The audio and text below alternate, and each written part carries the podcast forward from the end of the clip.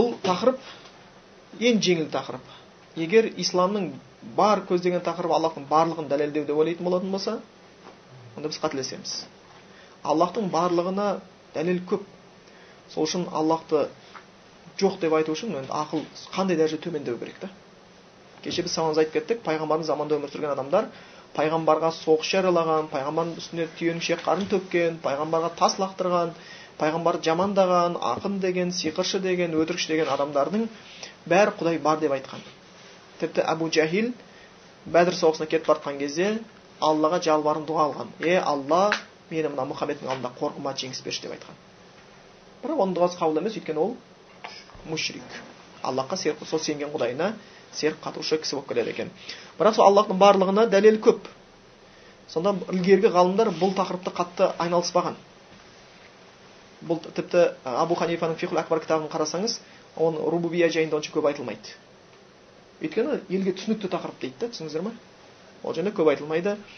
Ә, дей тұрғанмен де біз осыған байланысты кейбір біздің заманымызда атеистке жаңағы нәрсеге ағымға уланған кісілердің бар болуына байланысты кейбір дәлелдерді айтып кетсек болады.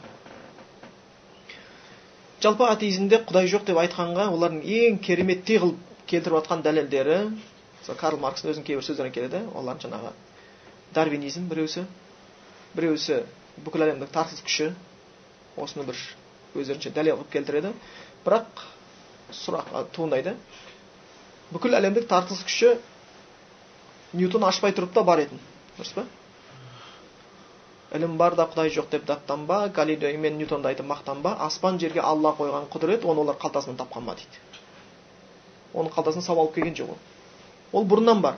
Енді burada сұрақ туындау керек та. Кім сол заңды орнатты деген. Ол заңды табу бөлек нәрсе. Бірақ заңды кім орнатты деген сұрақ қою керек еді да. Өйткені кеңес үкіметінің атеистері олар құр атеист емес. Біраз кітаптарын біз көрдік.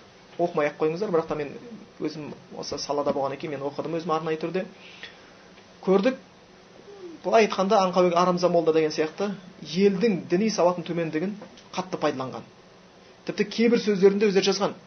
Христиан дінінің болмаса басқа дін дейді дін иелерімен дейді дауласып оларды жеңу бізге оңай дейді. Бірақ мына мұсылмандармен дауласқан кезде бізге өте көп қарулану керек әлі дейді. Да соған қарағанда бұлар ұтылған. Көп мұсылман ғалымдарынан ұтылып отырған бірақ оны жасырып білдіруге тырысқан. Солардың жаңағы осы сүйенген бір материализмдегі айтатын сөздері. Мысалға карл маркс айтады құран кітабын мен қасиетті кітап деп айта алмаймын құдайдан кетті деп айта алмаймын өйткені құран кітабы адамзат баласын алалайды екен дейді.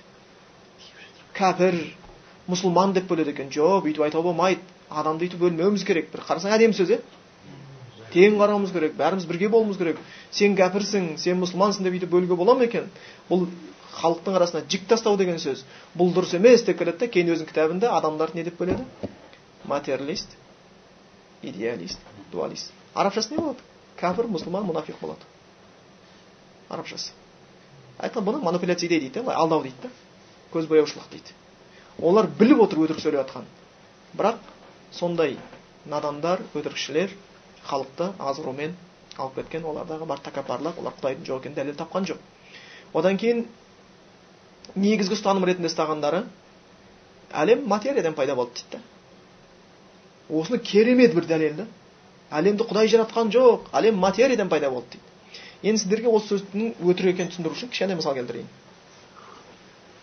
адамдар осы сөзге ойланбайды да. Жоқ құдай жаратқан жоқ материядан пайда болды деп қойып жүре береді. Мынау сияқты әңгіме ғой олардың айтқаны. Сәл ғана кішкентай бір мысал келтіретін болсақ мынау сотканы мына сотканы жапондар шығарған жоқ. Бұл пластмастан жасалған деген сияқты айтып жатыр да түсіндіңіздер ма бірақ сұрақ туады пластмасты кім мынандай кейіпке келтірді деген? Болмаса мына үйді строительдер соққан жоқ. Бұл кірпіштен соғылған деген сияқты е кірпіш келіп орнына түспейді ғой кірпішті кім қойды деген сұрақ туады да материяны жаратты жарайды материяны кім қайдан алдың материяны и материяны осындай керемет үйлесімге кім қойды кім бұндай нәрсені істеп қойды күн бір секунд кешікпей батады шығады қанша уақытта бәрі бізге адам баласына тура керек біздің денеміз былай айтқанда жетпіс процент судан тұратын болатын болса жер шарының жаңағы жетпіс проценті судан тұрады бізге ең көп керек оттегі болатын болса ауа деген сатып алмаймыз толып жатыр. Ойбай үйде ауа таусып қалды қарызға ертеңге бір кішкене ауа беріп тұршы деп ешкімге барып қарыз алып жатқан жоқпыз. Бұның бәрі дәл өлшеніп қойған да киетін киім бәріне дейін кәдімгі адам баласына жеткілікті жерді кәдімгідей дайындаған. Адам жаратылмай тұрып жер дайындалды да түсіндіңіздер ма яғни бұл келетін кәдімгі балаға бесік дайындаған жерден осының бәрі қайдан туды деген кездейсоқтық деген нәрсе жоқ өзі олар бірінші материал айтады одан кейін кездейсоқтық деп айтады иә кездейсоқтықтан осы әлем пайда болды деп келеді да аспаннан бір найзағай түсіпті ол батпаққа түсіпті батпақта өлі зат тірі затқа айналып кетті ол бір клетка бір клетка осындай болыпты ол балық болыпты балық кесіртке болыпты кесіртке ит болыпты ит. Ең соңында маймыл болыпты маймыл адам болыпты деп өйстіп өйстіп айтып келе береді да миллион жыл жатып тас тасбақа айналып кетті деген ертегілерін айтады. Бірақ дарвин өз еңбегінде қайтады. Кейінгі материалистердің өтірікшіден гөрі дарвиннің өтірігі азырақ та. Дарвин айтады мен осылай ойлаймын бірақтан бұны ғылыми түрде дәлелдемесе мен бәрі теориям өтірік болып шығады дейді. Сонда бұл қарасақ біздің кезімізде шыққан нәрсе ғана а, кейінгі заманда осындай бір дәхри деп қояды. Оларды материалистерді арабтың тілінде бір сондай материалист шығып кейінгі замандарда мұсылмандармен дауға түсіпті. Жоқ әлемді құдай жаратты дейсіңдер. Жоқ құдай жаратқан жоқ ол жаратқан жаратылған нәрсе құдайдың барына дәлел болмайды. Мен де жарата аламын депті да. Сіз не жаратасың мен де тірі иесін жарата аламын депті. Қалай жаратасың? Көрсетейін сендерге де бір шыны ыдысты алып кетіп үйіне барды да соның ішінде ет тастап сөйтіп ішіне лас нәрселер құйып сосын бетін жақсылап тұрып тығындап жауып апарып сасытып шірітіп алып келеді да бірнеше не пайда болады ішінде? Құрт пайда болады. Сөйтіп айтады міне мен жараттым дейді да.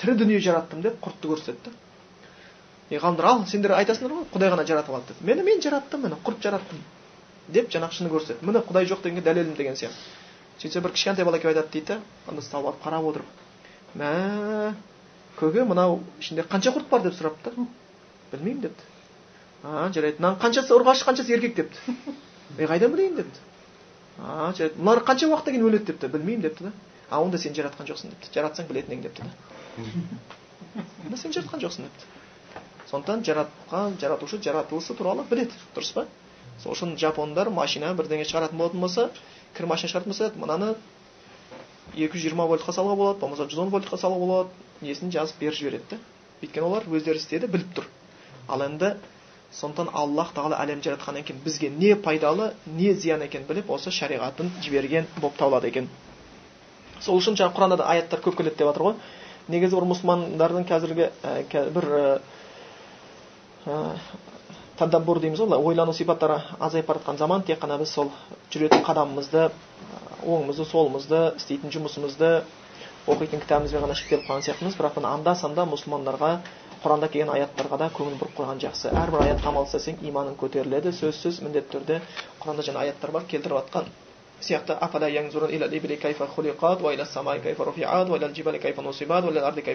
деген сияқты адамдар қарамай ма түйеге қалай жаратылған?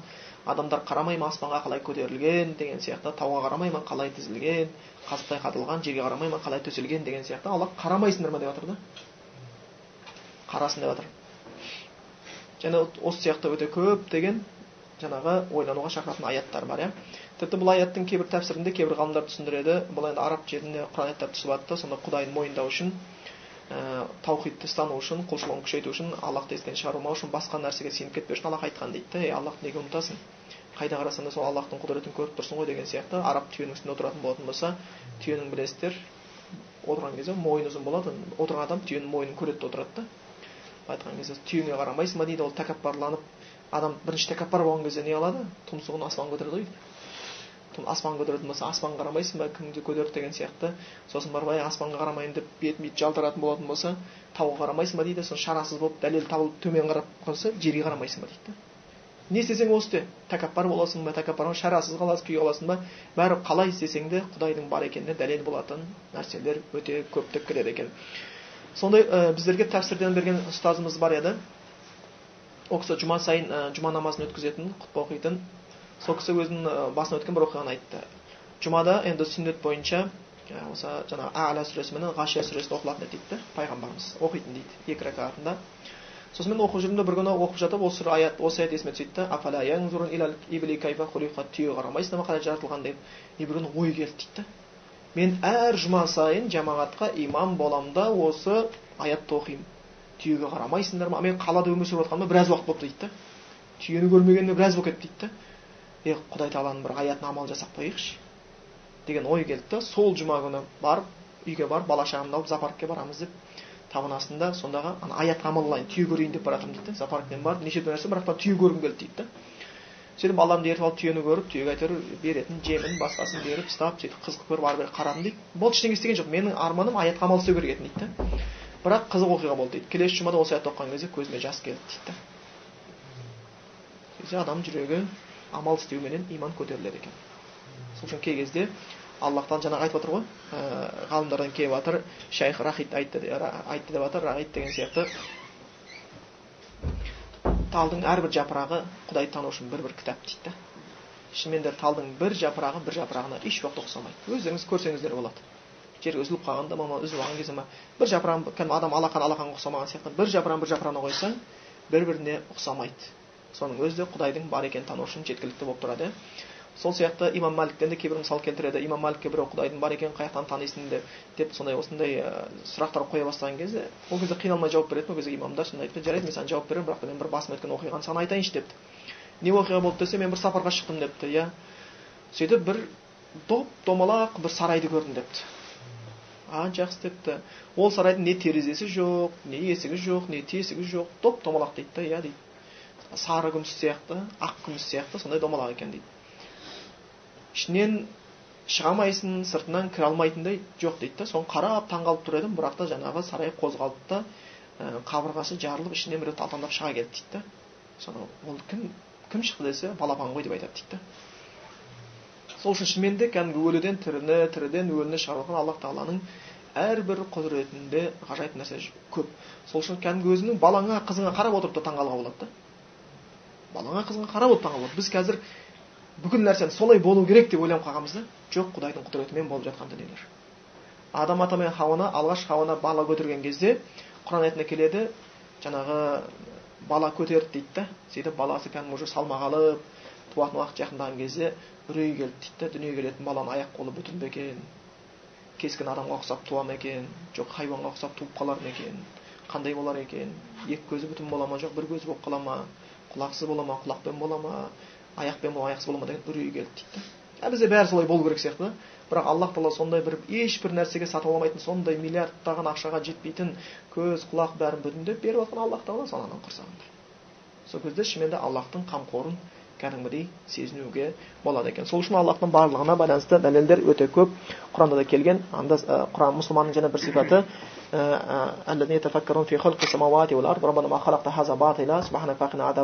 мұсылмандардың бір сипаты олар аспандар мен жерге қарап ой жүгіртеді дейді да. Кәдімгі ойланатын бір сипат болады. Сол үшін кей кезде кейбір ғалымдардың айтуы бойынша деген сияқты.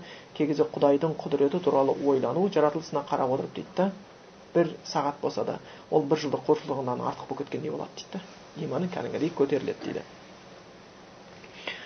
Енді сол аллахтың барлығына байланысты осы бір тақырыптарды қозғап кеткен ә, кейін екен адам атағына жаңағы сен өзіңше бір аллахқа сенбей бір себеп іздеп адам ата кім сен сені кім жаратты десең мен әкемнен тудым. Әкең жаратса әкем атасынан туды деп ар жағынан адам атаға тірелсін де бәрібір нөлге барып тірелді ғой дейді да. Сонда нөлден кім бар қылды деген сұрақ туады емес пе деп жаңағы мысал айтып жатыр да. Аллах құранда да солай айтқан адам жаратылысын өзі құранда бөліп тастайды бірнеше этаптарға. Біріншісі адамның кезінде бір мезгіл болған адамның заты тұрмақ аты болмаған кез бар. Вообще адам деген атау жоқ. Болды жын періште жер аспан бірақ адам дейтін атау жоқ та.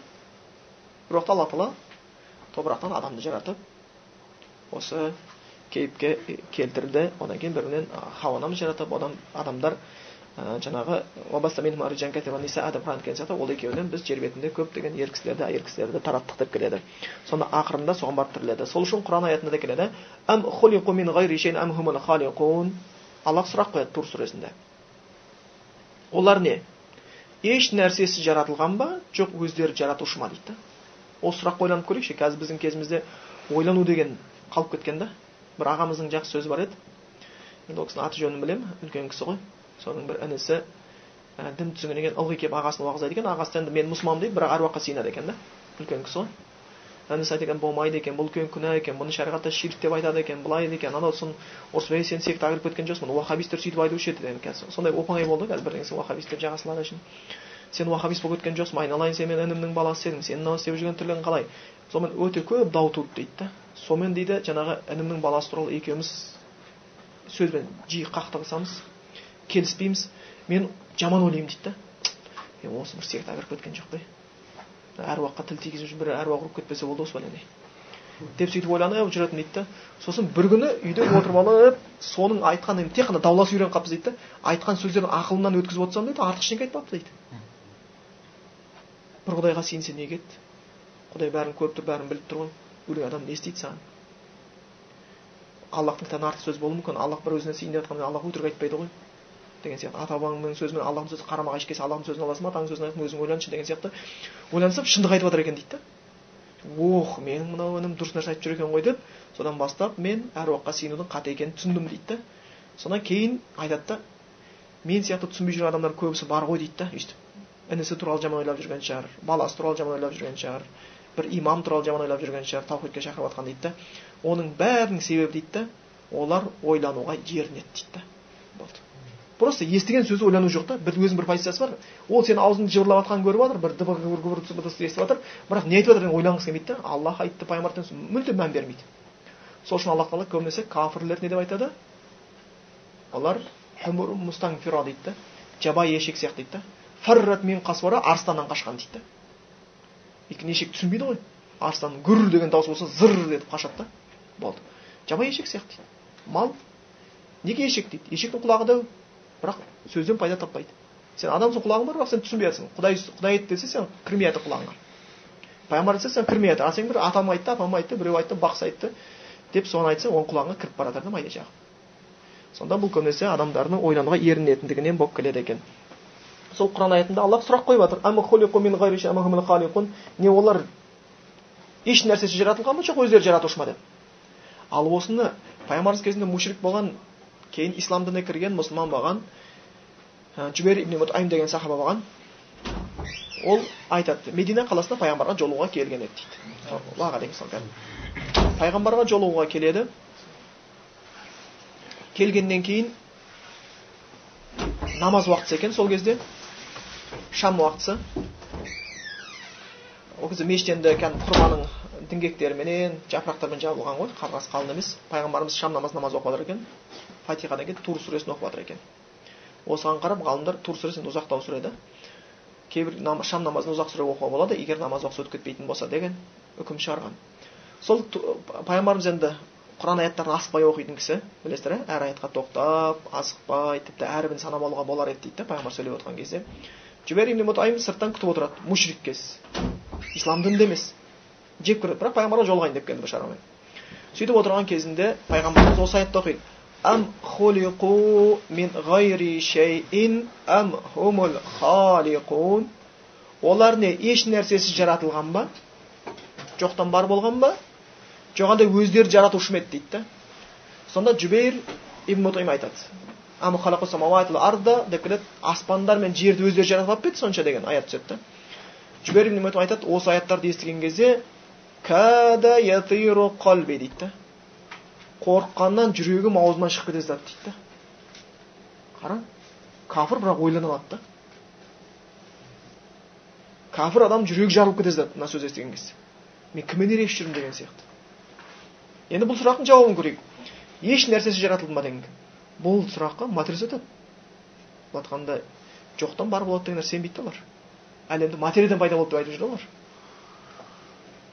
енді сен еш нәрсе жаратылдың ба деген сұрақ туады да онда еш нәрсе жаратылмадың екен екінші сен өзің жаратушы ма енді өзіміз өзіміз жаратып алған жоқпыз сол дұрыс па ананың ішінде жатқан кезде жүк деп құлағымызды өз қолымызбен өзіміз сосып бүйтіп көзімізді бүйтіп дәу болсын кішкентай болсын деген сияқты шашымызды тартып жарып шығарып өйткен жоқпыз ғой біз білген де жоқпыз ананың құрсағында жатқанын әкем белінен үзіліп түскенімізді де білген жоқпыз сол күйінде өзіміз жаратушы емес екенбіз онда жоқтан ба онда аллах жаратты деген сұрақ туады да басқа жауап жоқ бұған үшеу үш жауаптың біреусі не мен жаратушымын или жоқтан бар бола қалдым ойламаған жерден немесе құдай жаратты енді қайсы дұрыс жауап екенін адам өзі тауып алсын қайсы дұрыс жауап екенін сонда осы үш жауаптан басқа жауап жоқ бұл сұрақтарға. Аллах сол сұрақты қойған кезде ол жүрегім кеудемнен шығып кете жаздады деп айтқан болатын. Енді ә, бұл сияқты енді аллахтың жаратылысына рубубияға байланысты барлығына байланысты дәлелдер өте көп болып келеді. Бұл кісінің арғы сөздерін оқып көрейік. Жаратқан иесін біліп соған құлшылық қылсын деп жаратты. Ақырында не қылады? Кімді кім жаратқан иесі кімді кім жаратқан иесінің өміріне мойынсұнып құлшылық қылса кімде кім жаратқан иесінің ә, әміріне болу өмірінде келіпті әміріне бойұсынып құлшылық қылса оны құры қалдырмай таусылмас рахат берсе керек. Егер де әміріне бойұсынбаса оған таусылмас азап қылса керек.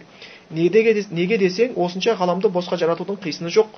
Ақырында жоқ болып кететін қылып жарататын болса не керек? Онда әшейін бір ойын сықылды болып қалмай ма? Ал аллах тағала аятта былай деп ұқтырып айтқан ғой. Аспан мен жерді һәм оның арасындағы дүниелерді барша нәрсені ойнап жаратқаным жоқ деген. Енді жоғарғы аяттың мағыналарын һәм айтылған дәлел сөздерді анықтап ұғып ойлансаңыз алла тағаланың барлығына шексіз көңіліңіз нанады деп бұл рубубия тақырыбын аяқтайды. Бұл аяттар келтірген кеше сіздерге айтып кеттім. Ә, бұл кітапты өтудегі мақсатымыз сол еді өйткені қазіргі кезде сондай әңгімелер шығып жатыр. Бір екі крайность болып жатыр да қазір. Біреулер қазақ мұсылман болмаған деген әңгіме шығарып жатыр. Екіншісі дінді енді біз біліп алып ата бабамыз мүлдем дінмен шаруасы болмаған сияқты атамыздың бәрі бір дінсіз оңбаған құран алыс біреу сияқты ойлап қаламыз. Жоқ бұл кісілер міне әр сөз айтып арасында аяттар келтіріп отқан деген сияқты. Ол нәрселердің болғандығына дәлел болатын нәрселердің бар екенін айтып кетті өйткені біз кеше құраннан аят айттық. Аллах тағала яхуди халықтарын ә, ескертеді дінге шақыратын кезде таухидке шақыратын кезде ақыретке шақыратын кезде я бани исраил деп ей израиль ұрпақтары деп айтатын исраиль деген жақып пайғамбардың аты. Сонда ей жақыптың ұрпақтары ей жақыптың балалары деп қайта неге жақыптың балалары? Неге айта бермейді? Ей еврейлер деп өйтіп айтқан жерде бар. Бірақтан олардың аталарың сендердің өте діндар еді ғой. Сендер кім болдыңдар деген сұрақ та. Түсіндіңіздер ма сол кезде кей кезде ә, шынымен де бұл кісілердің дінді білгенін өте жақсы көріп отырмыз. Жаңа аяттар келтіріп жатыр жоғарыда аят келтіріпті. Аллах тағала аспанды бұл әлемді бекер жаратқан жоқ қой дейді. Аллах құранда айтып жатыр ғой дейді. Аспан мен жерді һәм оның арасындағы нәрсені ойнап жаратқан жоқ деп ол құран аятында келеді. Аспан мен жерді оның арасындағы дүниені ойнап жаратқанымыз жоқ дейді. Сол сияқты басқа да аяттар бар. Аспан мен жерді және оның арасында басқа дүниелерді біз бекерге жаратқан жоқпыз дейді да бекер деген дүние жоқ ешқандай бекерге жаратылған дүние болмайды екен сондықтан бекер болмаса онда ар жағында есебі міндетті түрде болатындығы мысалға алатын болсақ бір адам алма ағашын егетін болса сосын алма ағашын сонау ұрықтан бастап екті оны күтті оған суғарды оған мал тигізбеді оған басқа тигізбеді құрт түсіртпеді. Өйтіп ол тал не қылды? Кейін өсті одан кейін гүлдеді көктемде. Одан жемісін береді алмасы пісіп енді жейміз ау деп тұрған кезде ол алды да үстіне сәләка құйып өртеп жіберсе. Біз не деп айтамыз? Ақымақсың ба не істедің оны неге ектің онда сонша пәленбай жылап біреу жемесең өртеп жіберсең онда не неге жатсың деген сұрақ туады да. Енді адамның ол тірлігін ақымақтық санайтын болсақ аллах тағала аспан жерді орнатып соның ішінде біз бен сізді жаратып одан кейін пайғамбарын жіберіп құран түсіргеннен кейін тозақ пен жәннатты жаратпаса. Жоқ қылып жіберсе не ол? Адамға жараспайтын тірлік аллахқа жараса ма екен? Суда деп аллах айтады. Адам баласы сонда бекерге тастап қоямын деп ойлай ма дейді да? Жоқ. Есеп міндетті түрде болады. إن الأبرار لفي نعيم جخسلر جنة قا وإن الفجار لفي جحيم. كنخرلر ارتين دوزقات سيتن كن باريكن. سنتان بول جنا روبية اسمن نيا